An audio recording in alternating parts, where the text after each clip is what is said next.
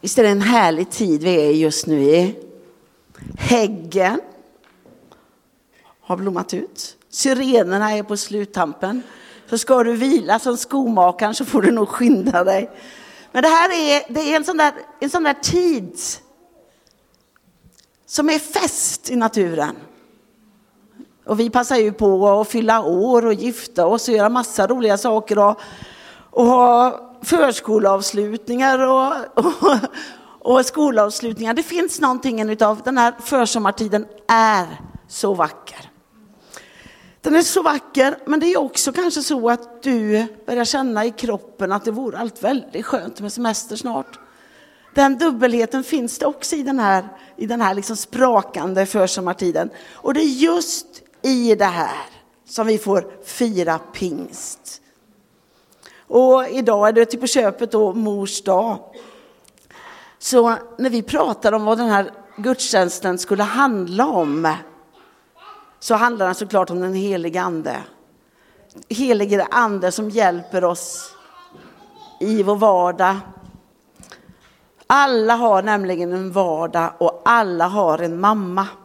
De två djupa sanningarna har vi kommit fram till. Om jag har en mamma, då tänker vi också ja, ha relationer. Men jag tänker vi börjar med att läsa de viktigaste orden i, som handlar om den heliga ande, när, när den heliga ande blev oss given. Apostlagärningarna 2, 1-13.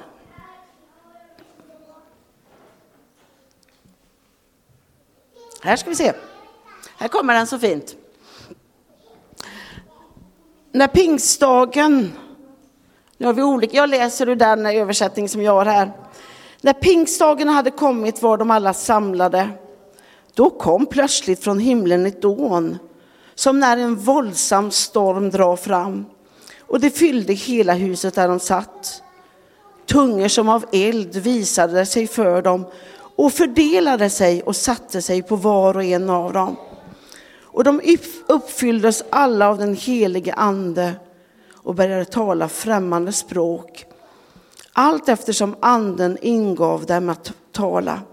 Nu bodde i Jerusalem fromma judiska män från alla folk under himlen. Och när dånet hördes samlades folkskaran och alla blev mycket uppskakade eftersom var och en hörde sitt eget språk talas. Häpna och förundrade, sa de, är inte det galileer, alla dessa som talar? Hur kan då var och en av oss höra sitt eget modersmål? Vi är ju parter, meder, eleniter, vi som bor i Mesopotamien, Judeen eller Kappadokien, i Pontius eller Asien, i Frygien eller Pamflien, i Egypten och Libyen och Sirene till, eller inflyttade främlingar från Rom. Vi som är judar eller proselyter, kretenser eller, araber, vi hör dem tala vårt eget språk om Guds väldiga gärningar. De var alla mycket häpna och förvirrade och frågade varann. Vad kan detta betyda? Men andra sa hånfullt. De har druckit sig fulla av sött vin. Och den här texten, det händer någonting i oss när vi läser den. För det har med den, när den helige ande utgöts. Det har också med för, när församlingen blev till. Så den, den berör oss på så jättemånga olika sätt. Janne var lite inne på det här förra söndagen. Jag ska bara ge en liten, liten, liten, liten eh, sådär kort review. Vad betyder då pingst? För pingst, det firade var ju judarna. Alla män, alla judiska män, de skulle pallra sig upp till Jerusalem. För det här var en av de tre största högtiderna. Och det kommer ifrån penta, det grekiska ordet pentakoste, 50. 50 dagar efter påsk skedde det här.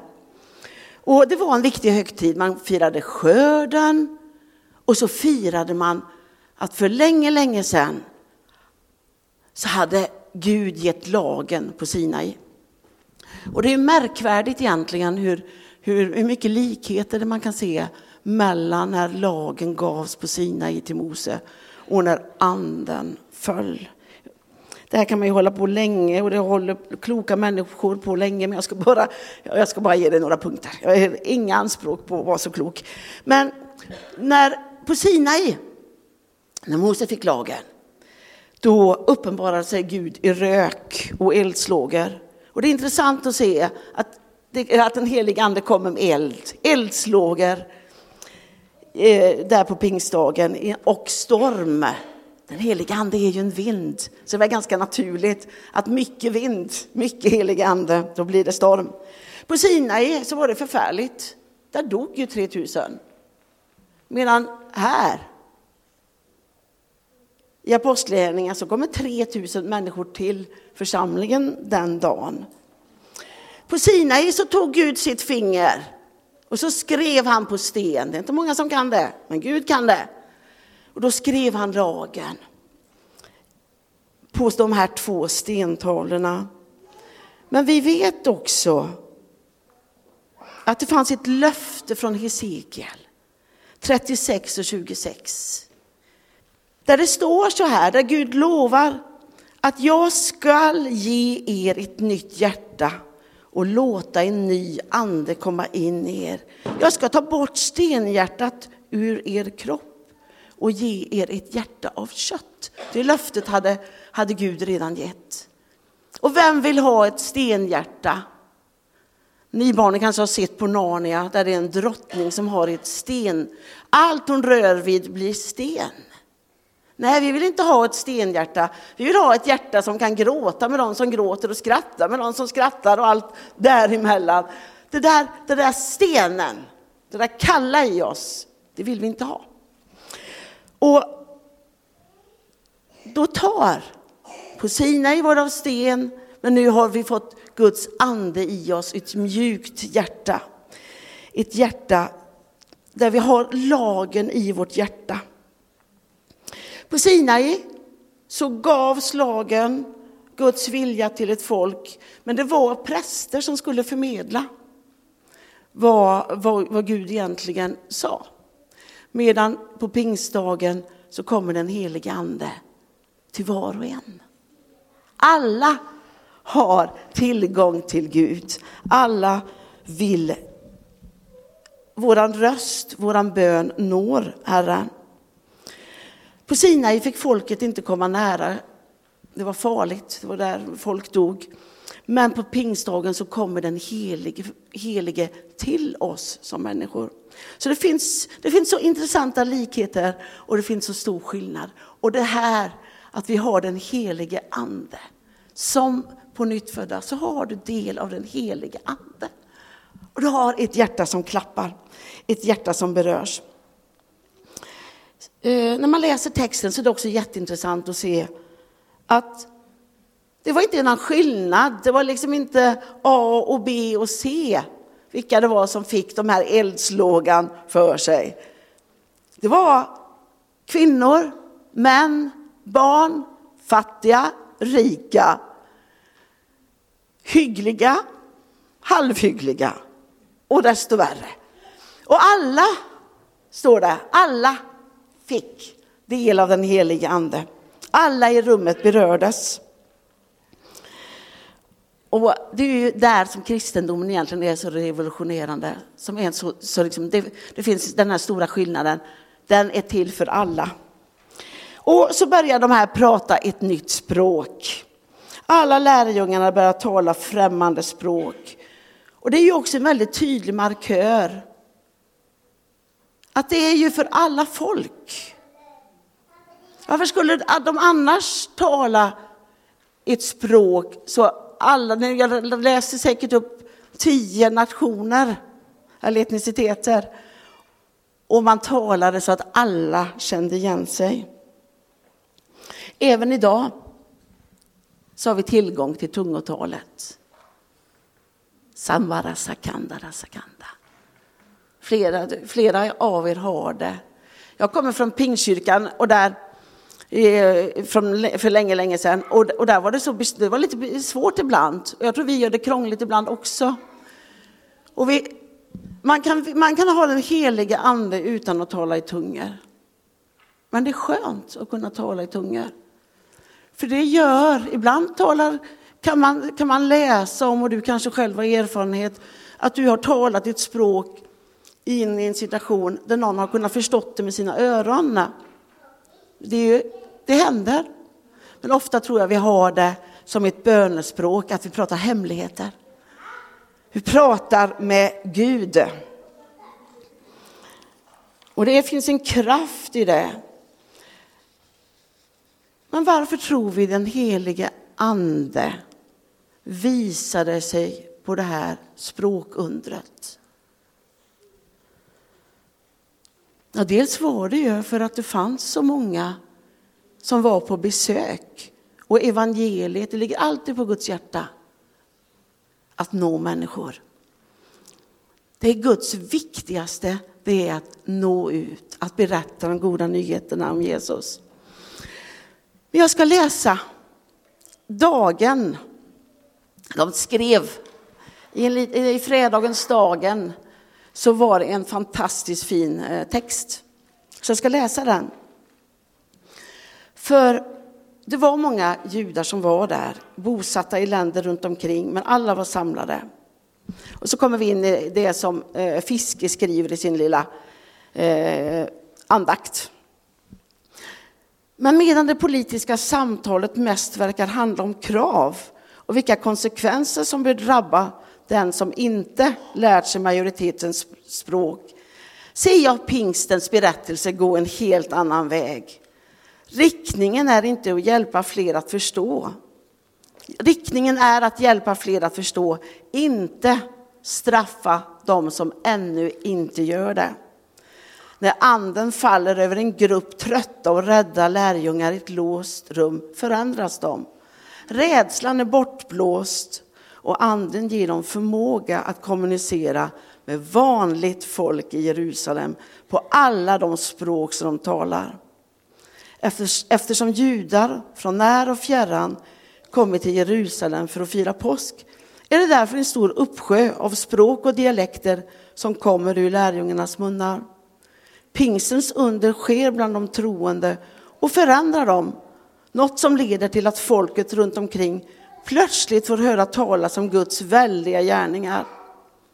Istället för att mångfalden av människor som besökte Jerusalem plötsligt förstår arameiska börjar lärjungarna tala alla språk. Guds rike framstår som en plats där myriader av språk, dialekter, nyanser, uttryck, konstformer och traditioner ryms.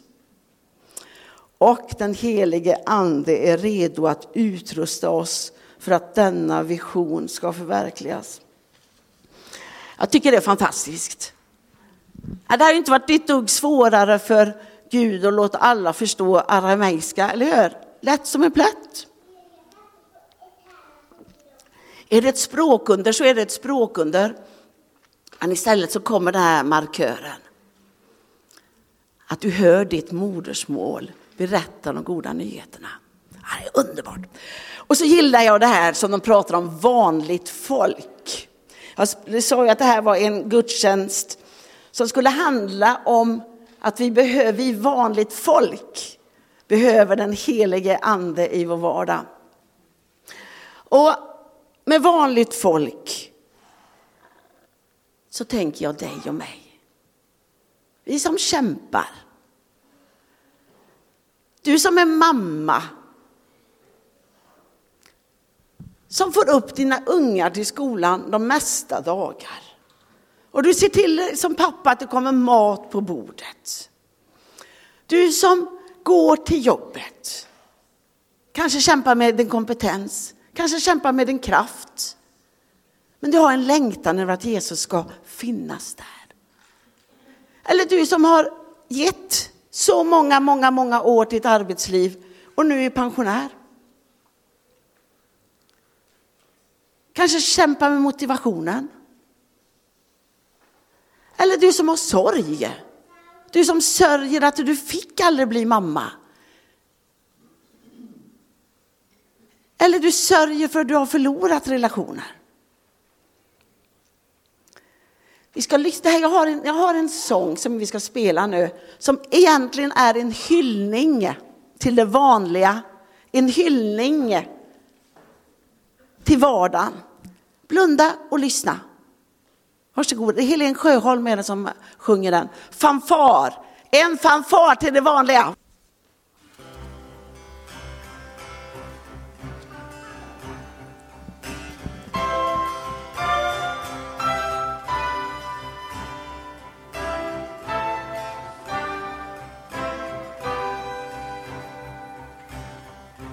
Här är en sång, en blomma. Det här är en hälsning till de fromma. De som inte jagar guldet och äran. De som ser lyckan i det de har nära. De som kan leva en dag i sänder utan oljade tungor blodiga händer. Och som inte alltid letar efter spänningen i natten. De som kan leva på luft och på vatten. Det här är en fanfar för de som verkligen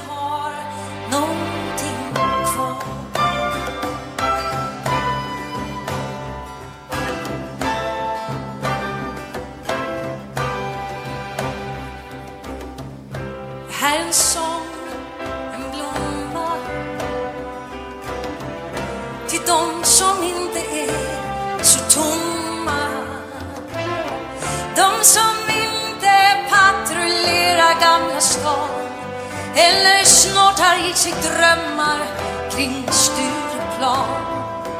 De som inte alltid sneglar över de som har mera och som sätter barn till världen och får dem att fungera och som inte vill vara en av ringarna på vattnet som kan leva under ytan och tycka det är vackert.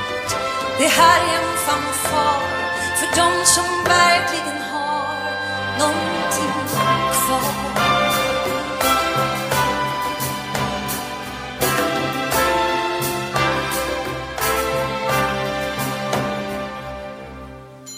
Det här är en sång, en blomma Det här är en hälsning till de fromma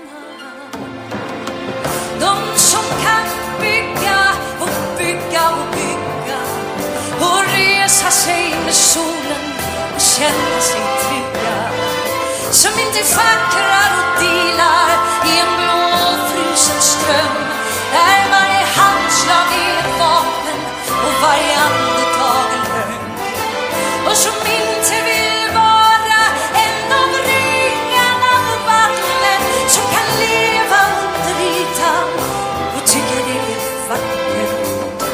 Här är en fanfar för dem som verkligen har någonting kvar. Visst är den fantastisk? Jag blir lika berörd av den varje gång och så säger jag till, vi brukar säga till våra ungar, ni som sätter barn till världen och får dem att fungera. Ja, grattis alla mammor, grattis, men också grattis du som finns i din vardag. Riktigt stor fanfar. Barna, vem är bäst på att spela fotboll? Den pappan, eller den pappan, eller den mamman? Vem tror ni är bäst? Ja, Emanuel, vi röstade på Emanuel. Ja, kom Emanuel. Vi, nu låtsas vi att Emanuel är världens bästa fotbollsspelare. Ja. Och han står där och han är målvakt. Jaha. Men, och han fångar, han fångar varenda boll. Tänker han, men vet ni vad som har hänt? Det är faktiskt så. Kan ni, barna och, och Markus, kan ni hjälpa till att binda hans händer bakåt? Det är faktiskt så att världens bästa fotbollsspelare, ja ni får binda. Om världens bästa fotbollsmålvakt har händerna bakbundna så ska vi se hur det går. Ni behöver, inte, ni behöver inte binda så hårt, det är bara en liten illustration på predikan. Och snart ska vi ha nattvard. Så, ja, nu, nu, nu, får, nu, eller hur, nu räcker det va? Ja, nu tycker, här. Oh, nu, nu kommer, nu kommer någon känd fotbollsspelare och den skjuter. Nej! Trots att Emanuel, världens bästa fotbollsmålvakt, ville fånga bollen Ni kan ju hjälpa honom loss nu. Så, så kan han inte. Han hade inte förmågan för hans händer var bakbundna. Jag tänker att den helige ande är den som hjälper oss. Och, så vi har våra händer lösa. För om vi inte har den helige ande i vår vandring som kristna så blir vi, vi kämpar Tack Emanuel, du kan få bli löst. För vi kämpar och vi vill så väl. Vi vill vittna, vi vill göra rätt, vi vill vara snälla, vi vill vara goda. Men vi fixar det ju inte, utan det kommer bara massa egen slitig kraft. Den helige Ande har lovat att ge oss hjälp. Den helige ande gör dig modig. Den helige ande gör det möjligt för dig att fånga bollarna. Och Herren har lovat att vi ska få den helige ande. Lika säkert som en förälder ger barn bröd, lika säkert säger Gud i Lukas att han ska ge den helige ande. För du behöver den helige ande i din vardag. Du behöver den, hel, den helige ande för att kunna finnas i relationer. Att kunna älska. Du behöver den helige ande så det där stenhjärtat får mjukas upp och bli ett hjärta av kött och blod. Vi ska alldeles strax sjunga Jag behöver den helige Ande. Men vi ska göra den som en proklamation, som en bön. Du kanske tycker att du lyssnar för dåligt på den helige Ande. Ja, men lägg handen på ditt hjärta och bara bekänn det. Du kanske känner att ja, men jag behöver den helige Ande. Jag står inför så mycket bekymmer. Jag har tappat sugen. Jag är trött. Då vill den helige Ande ge dig mod och kraft. Så vi tar lite, välkomna upp. Herre, jag bara tackar dig för den helige Ande. Tackar dig för att den helige Ande har sänts ut till oss som församling. Har sänts ut till kyrkan, till den världsvida kyrkan. Men jag tackar dig också att du kommer också oss nära i våra relationer. I där vi behöver din hjälp. Där vi behöver din möjlighet, den övernaturliga möjligheten att, att göra din vilja, då kommer du Herre. Så låt oss be, jag behöver den helige Ande.